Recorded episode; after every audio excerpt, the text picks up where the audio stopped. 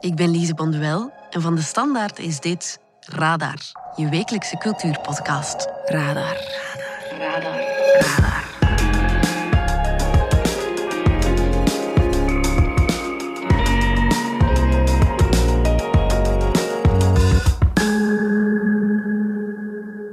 Hans Steeuwen, de Nederlandse comedian, had het al geponeerd in zijn show Spik Splinter.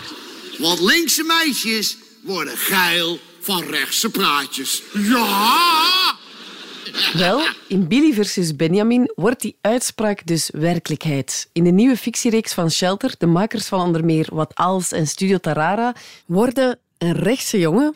In Brussel, al heel er wijken, hè, waar er geen Frans of geen Nederlands meer gesproken wordt. En een links meisje... Hé, vind je niet dat dat een beetje beetje racistisch klinkt. Op elkaar verliefd. Smoorverliefd. Oh, Romeo, Romeo. Mederedactrice Valerie Droeven komt vertellen hoe geloofwaardig dat Romeo en Julia verhaal nu is.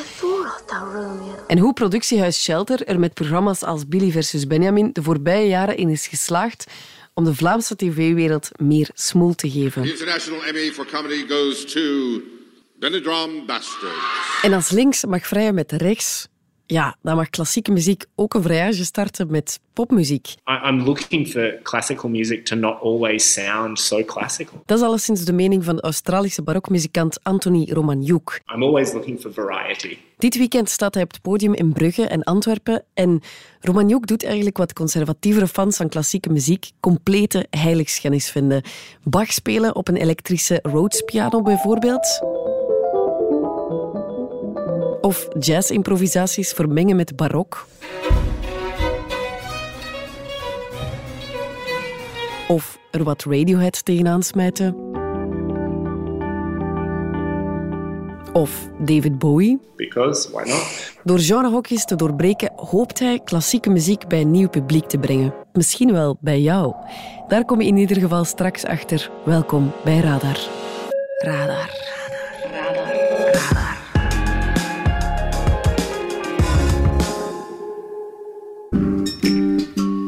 Links in beeld ziet u Billy Jacobs en rechts Benjamin Smits.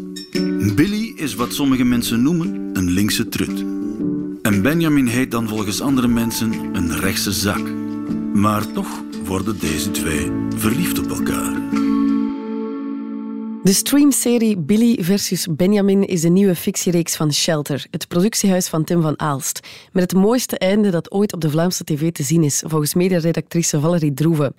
Valerie, het slot van Billy versus Benjamin mag en kan je natuurlijk nog niet verklappen. Maar vertel eens, wie is Billy en wie is Benjamin? Billy wordt gespeeld door Charlotte Timmers, die we kennen uit vorige producties van Shelter, mm -hmm. zoals Wat Als. Zij speelt een links grietje, hè? iemand die in een kringloopcentrum werkt, die voor elke transmigrant in de bres springt, die vegan eet, die heel erg karikaturaal links is. Vegan schijnen wij dat dames. Is dat niet altijd vegan? Mm. Nee, soms is dat met varkensgelatine of uh, vissenblazen of zo. Mm, en, ja, en met druivenjulie. Benjamin is daar helemaal het omgekeerde van. Hij wordt gespeeld door relatief nieuwkomer Wart Kermans.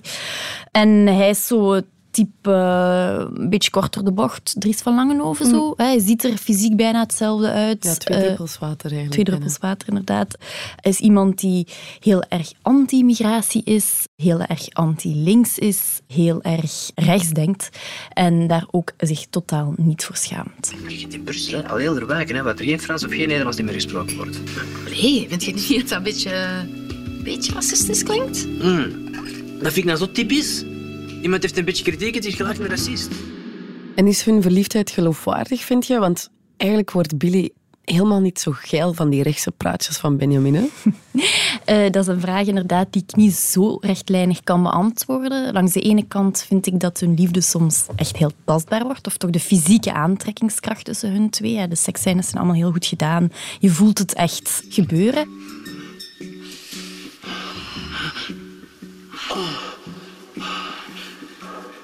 Maar langs de andere kant, omdat de personages zo in karikaturen blijven steken vaak, Tegen het einde van de reeks snap ik helemaal niks meer waarom deze twee mensen in godsnaam verliefd zijn op elkaar. Het is heel erg metaforisch bedoeld. Hè. Links en rechts moeten dichter bij elkaar komen. Dus ze moeten verliefd worden. Maar het hele waarom ze verliefd worden, verlies ik een beetje op het einde van de reeks. Het is wat ongeloofwaardig. Het is een komische reeks, hè, dus karikaturen mogen. Het hoeft allemaal niet heel super eh, genuanceerd te zijn. Er zit wel wat nuance in natuurlijk, maar het is te karikaturaal toch voor mij om het te geloven. Ik nodig mijn vrienden uit en jij die van u. Ik ben een koe en ik wollte niet aufgegessen werden. Ja, dat massaal afslachten van beesten, dat is echt eh, kapot lachen. Hoewel het, hè, dat aspect van de reeks ongeloofwaardig is, is het toch een reeks die mij getriggerd heeft. En denk dat ik het meeste gecharmeerd ben door de frisse vertelstijl waarmee het verhaal verteld wordt.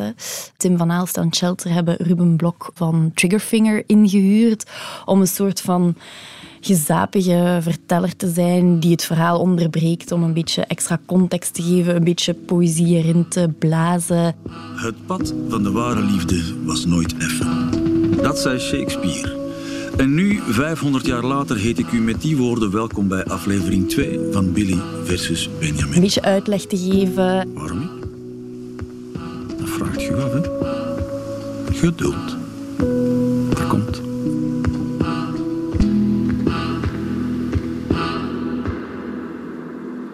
En om een of andere reden charmeerde mij dat heel erg, dat genre-experimentje dat hij daar doet. Het was heel poëtisch en heel tof gedaan. Ah, oei.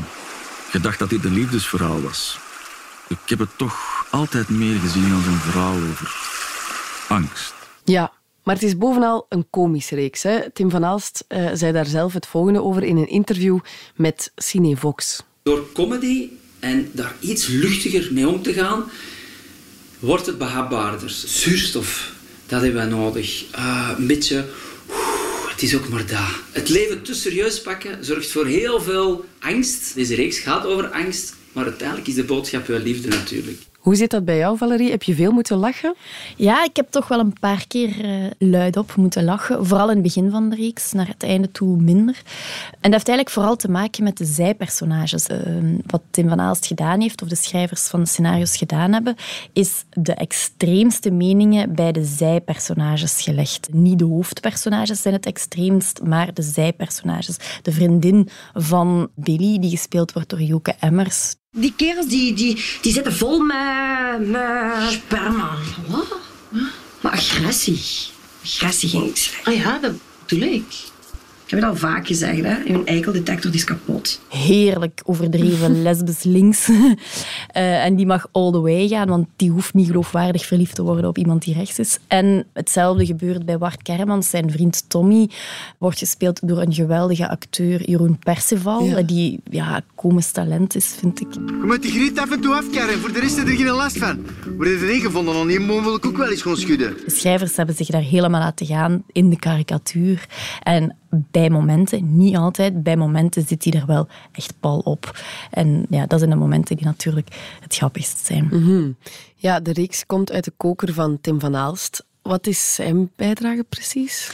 Tim van Aalst is de man die samen met Sophie Peters Shelter leidt. Hè. Een van de meest interessante productiehuizen van het moment, vind ik. Of van de voorbije jaren toch zeker.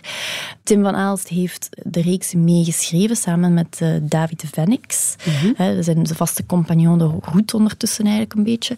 En voor het eerst heeft hij ook een deel van de afleveringen zelf geregisseerd. Hij heeft de regiestoel gedeeld met Dries Vos, die wij hier in Vlaanderen vooral kennen van Biker Boys.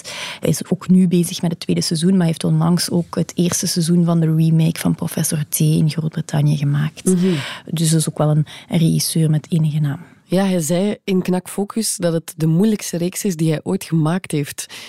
Hoe komt dat? Ja, eigenlijk zie je dat wel. Eh, Als je de reeks bekijkt waar de moeilijkheden lagen. Hij heeft een heel blits uitgangspunt gekozen. Hè. Rechts versus links. Zijn personages moesten rechts en links zijn. Niet genuanceerd daarin, maar gewoon rechts versus links. Heel karikaturaal. Ja, en ook heel expliciet. Hij had dat ook veel implicieter kunnen doen. Hij wou eigenlijk precies echt een punt maken. Ja. Het is voor onze maatschappij nodig dat die twee eens verliefd worden op elkaar. Dat gevoel had ik heel erg. En daarom voel je dan dat verhaal in elkaar heeft moeten bricoleren, wringen om tot die conclusie te kunnen komen. Het voelt helemaal niet zo natuurlijk aan als je er naar aan het kijken bent. Hè. Het is geen natuurlijke gang van zaken. Het, is echt, eh, het script is voelbaar. Ja, het script is voelbaar. Ja. Dat ik toch wel een paar keren. Soms maken de personages ongeloofwaardige keuzes. Eh, het enige waar hij wel wat in geslaagd is bij mij toch, is... Ik heb wel sympathie voor het rechtse personage, terwijl eh, over het algemeen het gedachtegoed van Benjamin totaal niet mijn gedachtegoed is. En daar krijgt hij van mij wel al een pluim voor. Ik vind wel dat dat toch ook van enig schrijftalent eh, getuigt. Een tweede ding wat mij heel erg opviel, is het feit dat ik kies een heel actueel thema, de polarisering die op dit moment heel erg in onze maatschappij bezig is, maar die ook heel erg snel een andere bocht of een andere Ja. wending neemt. Ik denk, zouden we nu iemand zoals Charlotte Timmers, het personage van Charlotte Timmers, links noemen? Of zouden we haar spottend een wokie noemen? Het woord woke komt de hele tijd niet in de reeks.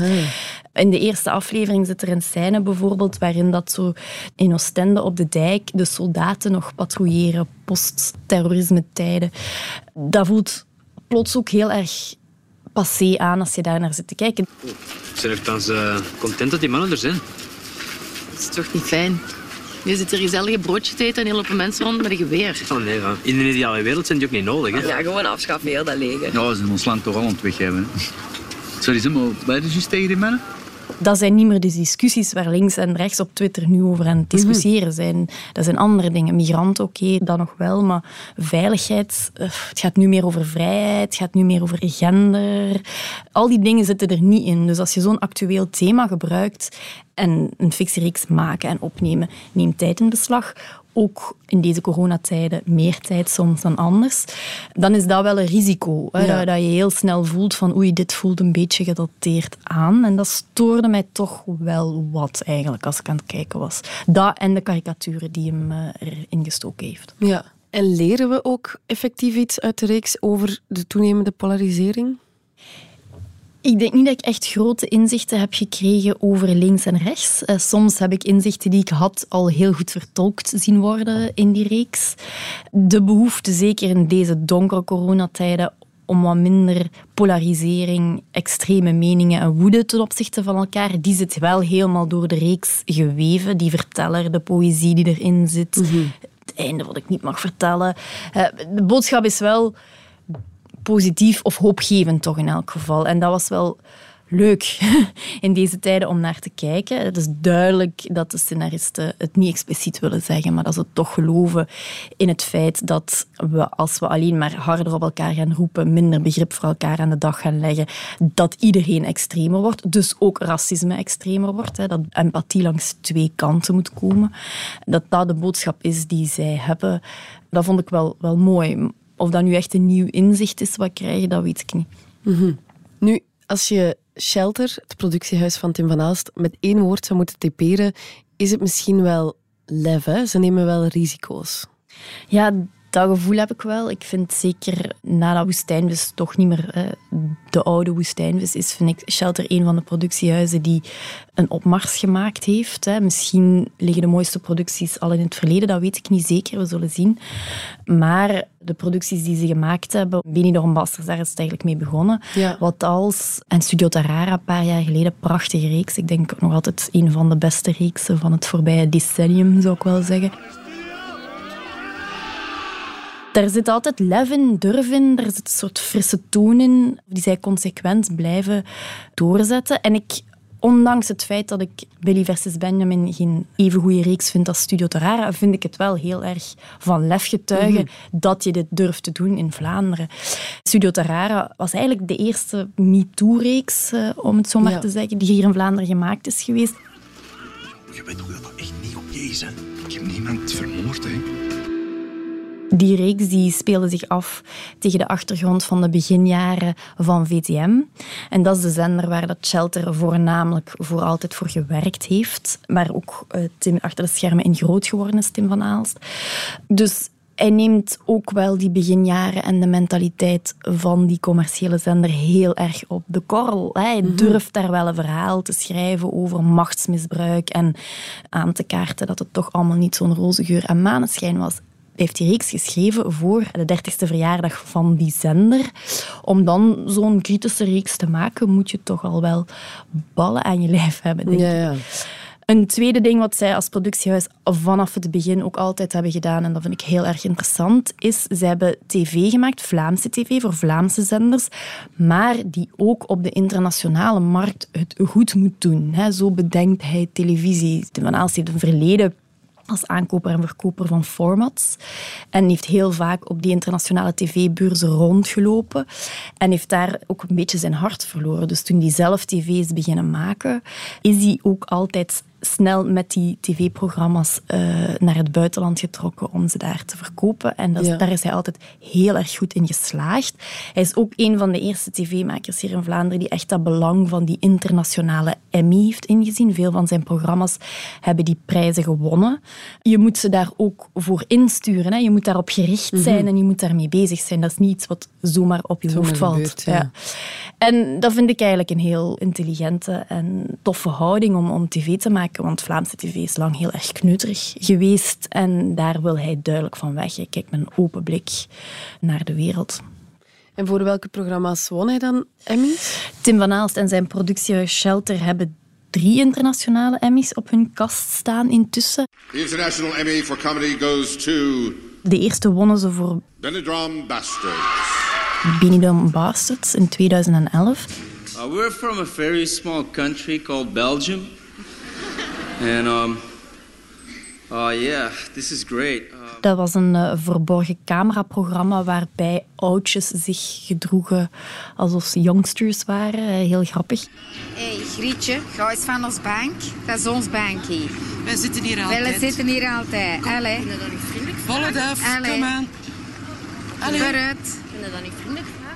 Dat hebben ze aan Amerika verkocht en daar hebben ze de onlangs eh, overleden Betty White als het gezicht eh, betrokken gekregen. Toch echt een, een grote internationale ster bij hun productie. De tweede wonnen ze in 2014 voor Wat Als, sketchreeks, die altijd begon met Wat Als en dan twee rare dingen met elkaar combineerde. En in 2018 wonnen ze een internationale Emmy voor Hoe zal ik het zeggen? Did you get the message? Dat is een programma, ook een soort verborgen cameraprogramma met Jensen Donker, die hartverwarmende of moeilijke boodschappen bij mensen gaat afleveren. Dat is eh, een zeer recent programma. Together, we'd like to thank the Academy. We'd like to thank all the uh, people who voted for us, all the judges from around the world. Uh, yes, we were nervous today.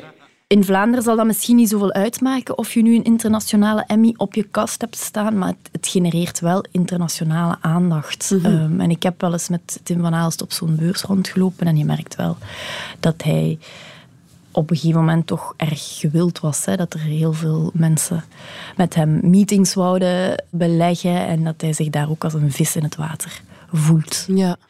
En denk je dat Billy versus Benjamin ook dat potentieel heeft om over de grenzen te gaan? Eh, Zelf vind ik het moeilijk om dat te voorspellen. Ik vind dat het wel iets Vlaamser is dan de rest dat hem al gemaakt heeft. Maar hij heeft in elk geval absoluut die ambitie. Daar ben ik van overtuigd. Mhm. Oké, in ieder geval, Billy versus Benjamin is te zien op streams. Valerie Droeven, dankjewel. Graag gedaan. Radar. Radar. I listen to electronic music, and that that has an influence on my Bach. I listen to hip hop, and that has an influence on my Debussy. Eclecticism is inherent to who I am as a musician. Het repertoire van de Australische muzikant Anthony Romaniuk gaat breed. Heel breed. Van Mozart tot Bach en Beethoven tot Radiohead, Brian Eno en Niels Fraam. Hij kleurt eigenlijk meer buiten dan binnen de lijntjes. Jasper Krone, recensent klassieke muziek bij de Standaard. Je hebt hem geïnterviewd. Wie is die man? Ja, Anthony Romaniuk het is een eh, klassiek muzikant, vooral barokmuziek. Hij speelt piano, maar ook pianoforte, clavecimbal. Dus hij zit echt wel in die klassieke muziek, in die oude muziekscene.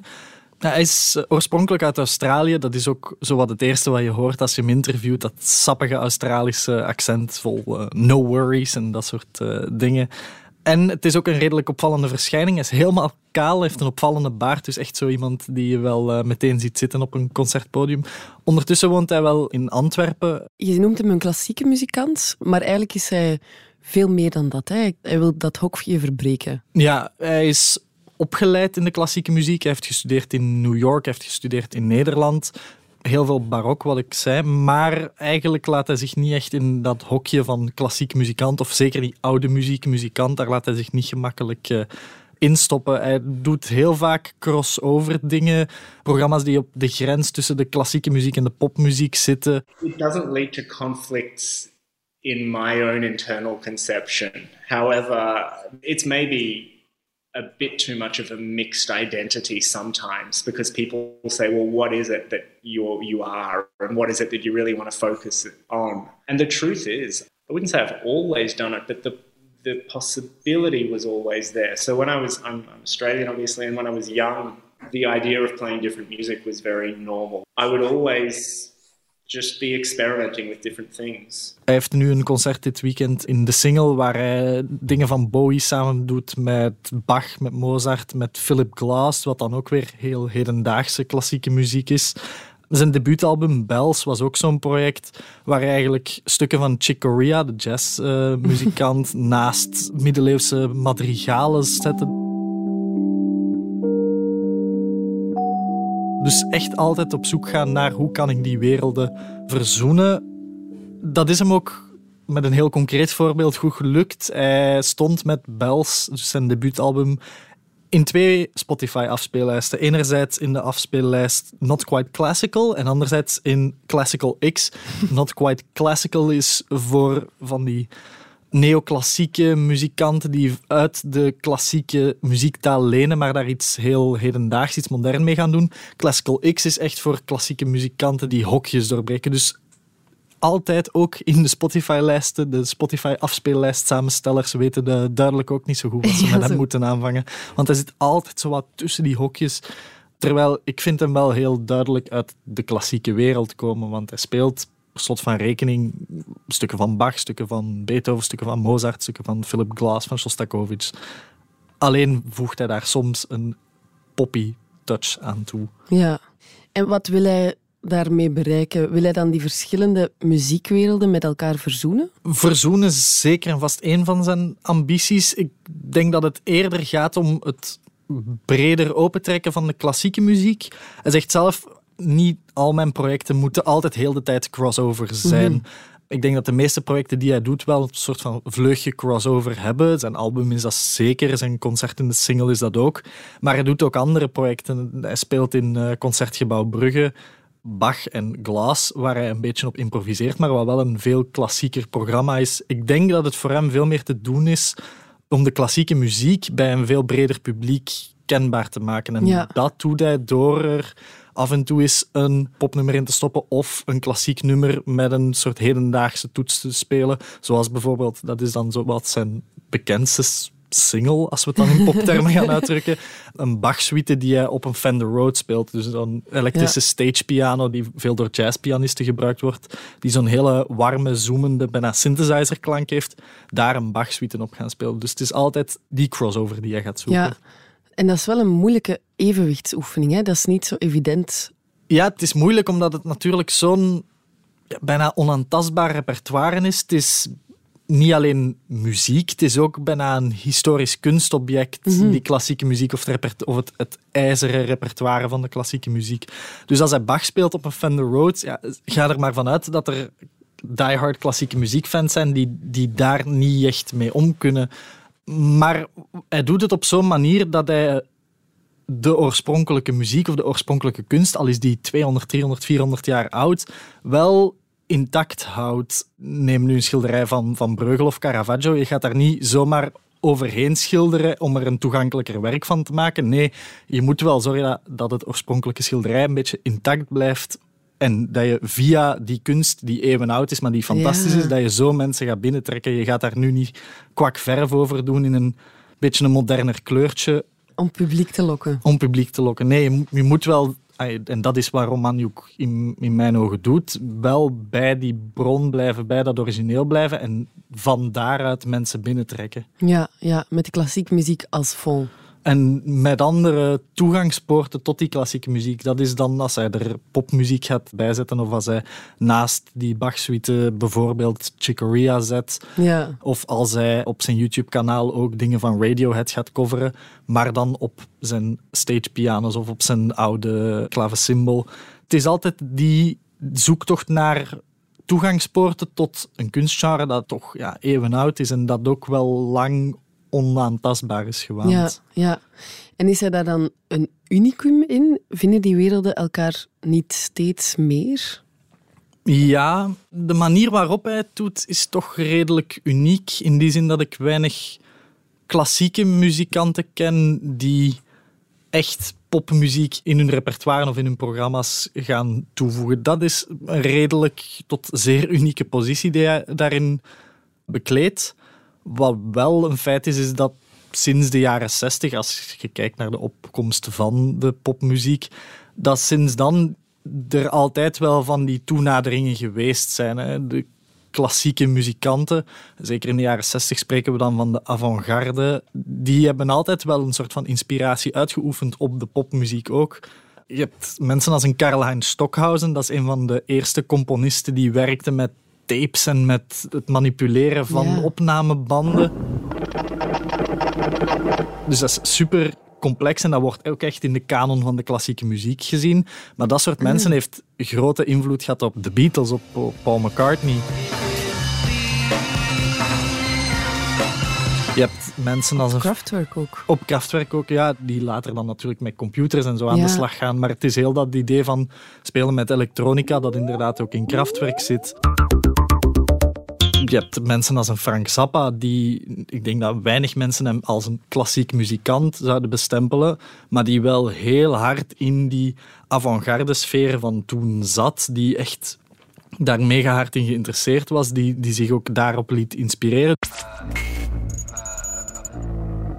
Dus die wederzijdse inspiratie is er altijd wel geweest. De laatste jaren ziet je de omgekeerde beweging. Eh, mensen als een Olafur Arnalds of als een Niels Ja. Fraam, die heel duidelijk de klassieke muziektaal gaan nemen en daar nu iets heel modern, hedendaags van gaan maken met synthesizers, met elektronica. Ja. Ik ben naar het eh, laatste seizoen van Succession aan het kijken. Als je naar die intro luistert, dat is puur sans klassieke muziek. De harmonie en, en de melodie die daarin zit, dat is puur klassieke muziek.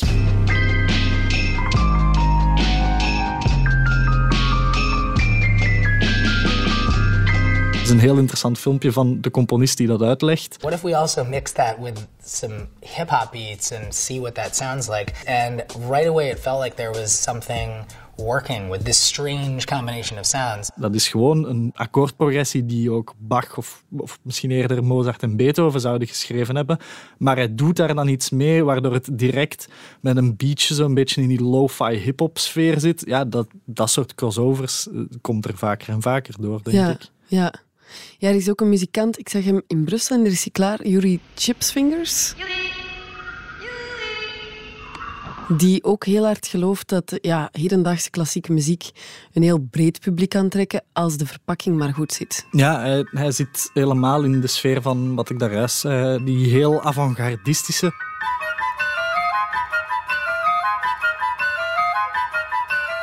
Ook daar, ik denk dat weinig mensen snel zouden zeggen Yuri Chipsfingers is, kla- is klassieke muziek. Als je hem ziet staan op het podium, het is, het is één brok energie en zijn albumhoezen zijn in neonkleuren en zijn haar is Oranje? oranje op dit moment. Who knows? Dat ziet er echt uit als een cartoon. Ja, absoluut. Maar hij bouwt ook wel heel hard voort op die avant-garde muziek van de 20e eeuw en zit echt wel in die traditie.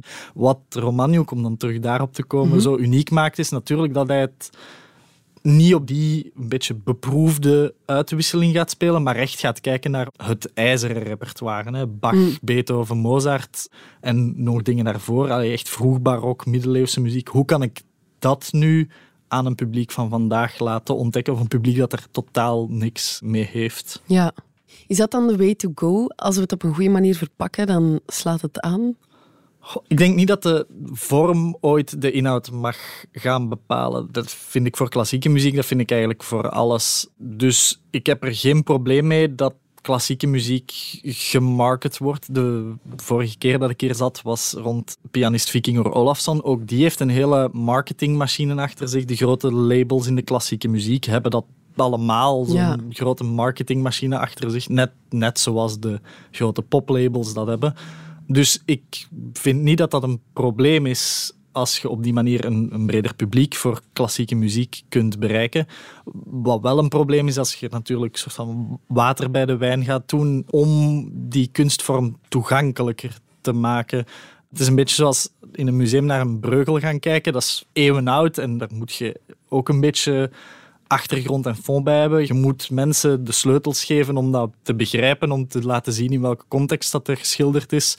En op die manier mensen van dat eeuwenoud kunstwerk laten genieten. Ja. Je kunt er een hedendaags werk naast hangen of je kunt een soort van interactieve setup creëren waardoor mensen erin rondwandelen. Dat gebeurt ook met heel veel kunst. Maar je gaat niet aan de breugel raken, want dat is natuurlijk net het kunstwerk dat Mhm. eeuwen oud is en wat het zo mooi maakt. Dus nee, ik heb er geen probleem mee dat klassieke muziek of dat kunst te koer in de markt gezet wordt. Maar het mag wel niet ten koste gaan van die eeuwenoude kunst, want dat Ja. is net waar het om gaat. Ja. En hoe komt het dat die grenzen nu steeds meer aan het vervagen zijn, denk je? Goh, ik denk dat dat iets is dat je, dat je in de meeste muziekgenres wel merkt dat zitten zoeken naar fusies tussen verschillende muzikale inspiraties. En het antwoord daarop is voor de klassieke muziek hetzelfde als wat het denk ik voor andere genres is. Namelijk, je zit met een generatie makers, met een generatie artiesten die elk stuk muziek in de hele geschiedenis, bij wijze van spreken, is maar één muisklik verwijderd. Ik, ik denk dat het verhaal voor de klassieke muziek een beetje hetzelfde is als, als dat wat het voor andere genres is, namelijk dat je meer en meer nieuwe jonge muzikanten krijgt die gewoon niet meer heel hard met oogkleppen op naar klassieke muziek luisteren, maar die ook een breder net uitwerpen en die Ja. dus ook geïnspireerd raken door jazz, door hip-hop, door Radiohead in het geval van Anthony Romanouk. En die dat dan allemaal mergen. En die dat allemaal gaan mergen, ja, die op zoek gaan naar een manier om te tonen waar zij voor staan. Want daar draait het toch ook altijd een beetje om als artiest. Om, ja, je wilt een verhaal vertellen vanuit de kunst die jij maakt. En in klassieke muziek is dat natuurlijk een beetje anders. In die zin dat je heel zelden zelf componist bent. Je bent uitvoerder van een ander werk. Dus je moet op zoek gaan naar hoe je met dat werk van een ander toch je eigen verhaal kunt vertellen. En dan is er de extra moeilijkheid dat je dan eigenlijk niet te veel aan het klassieke repertoire moogt raken. Dus dat is een Mhm. heel delicate evenwichtsoefening van Ja. hoe kan ik als klassiek muzikant in de 21ste eeuw, die geïnter- geïnteresseerd is in veel bredere muziek dan alleen maar klassiek, hoe kan ik die interesse duidelijk maken aan een publiek? Hoe kan ik ook gelijkgestemde muziekliefhebbers binnentrekken in mijn verhaal, dat ook niet uitsluitend klassiek is. Dus ja, ik denk dat dat een heel moeilijke evenwichtsoefening is. Maar mensen als een Anthony Romanouk tonen of geven wel een voorbeeld van hoe het kan. Mhm. Oké, dit weekend is hij zowel te horen in de single als in Concertgebouw Brugge. Jasper Kronen, dankjewel. Heel graag gedaan. De suggestie van de chef. En dan moet ik je al waarschuwen voor de suggestie van de chef, want die heeft een extreem hoge binge-factor. Maar kijk, op eigen risico laat ik hem op je los. De suggestie van onze chef cultuur van de standaard, Lieve van de Velde. Eh, wel, ik ben al een paar seizoenen verslaafd aan eh, de Zweedse reeks eh, Bonusfamilien. Op Netflix loopt die nu al een tijdje. Och blivit anmäld till Skolinspektionen. Vaak associëren we Scandinavische reeksen met eh, crime en noir, maar Bonusfamilien, zoals het in het Zweeds zegt, in het Engels Bonus Family, is eh, van een totaal andere orde. Het is eh, een familieverhaal, draait rond iets dat veel mensen kennen, plusgezinnen en mozaïekfamilies. De reeks vertelt eigenlijk het verhaal van een koppel, Patrick en Lisa. Kan du bara en sekund? Ska jag ta fram näsdukarna? Zij waren eerder getrouwd, hadden allebei al kinderen. Hun exen beginnen ook weer op hun beurt relaties met anderen die ook getrouwd geweest zijn of kinderen hadden of nieuwe kinderen krijgen met die ex dan. Dus je krijgt eigenlijk een heel kluwe van mensen die op een of andere manier met elkaar verbonden zijn. En kinderen die op een of andere manier half zussen, half broers zijn. Of plus zussen, plus broers zijn van elkaar. Eigenlijk uh, moet je kijken met een papiertje erbij en een schemaatje maken, want het wordt soms best wel ingewikkeld om de families uit elkaar te houden. Er gebeuren geen grote dingen in de reeks. De verhalen zijn dicht bij huis en uh, dicht bij de families. Miserie met de kinderen, foute afspraken met de exen, oma's en opa's die zich komen moeien met de opvoeding of met de niet-opvoeding, geldproblemen, werkvraagstukken enzovoort. Maar het maakt allemaal heel fijn en herkenbaar. Det här är min Louise, mamma. Leuk is ook, er zit een koppel therapeuten in die eigenlijk waken over de geestelijke gezondheid van Patrick en Lisa en waarbij die twee dan hun verhalen gaan vertellen en hun twijfels en hun existentiële crisissen eh, in de groep gaan gooien. Dat zijn ook twee hele fijne personages, totale weerde creaturen die er ook heel raar uitzien, maar die de reeks ook wel een, een apart cachet geven. Eigenlijk is dat ook wat de reeks beter maakt dan een doorsnee soap. Ook al voelt het soms wel een beetje soapy. Maar de personages zijn zo slim bestudeerd en slim opgebouwd dat er altijd iets van relevantie in zit. Dingen als eh, ADHD of eh, syndroom van Down, burn-out, eh, komt allemaal wel ergens aan bod in de reeks. Sinds een paar weken staat de vierde reeks op Netflix. En het is echt wel binge-materiaal. Ik kan er blijven naar kijken. De personages kruipen onder je huid. En in de loop van de seizoenen zie je ze ook ouder worden en veranderen. Maar blijf je wel hun vaste persoonlijkheid herkennen. En dat maakt het echt wel uh, verslavend en plezant. Radar. Radar. Radar. Radar. Dit was Radar, de wekelijkse cultuurpodcast van de Standaard. Bedankt voor het luisteren. Volgende week zijn we er opnieuw. Radar bundelt ook cultuurtips in de Standaard Weekblad en in de nieuwsapp van de Standaard. Luister zeker ook naar onze nieuwspodcast Vandaag. Uw dagelijkse nieuwsverhaal in 20 minuten.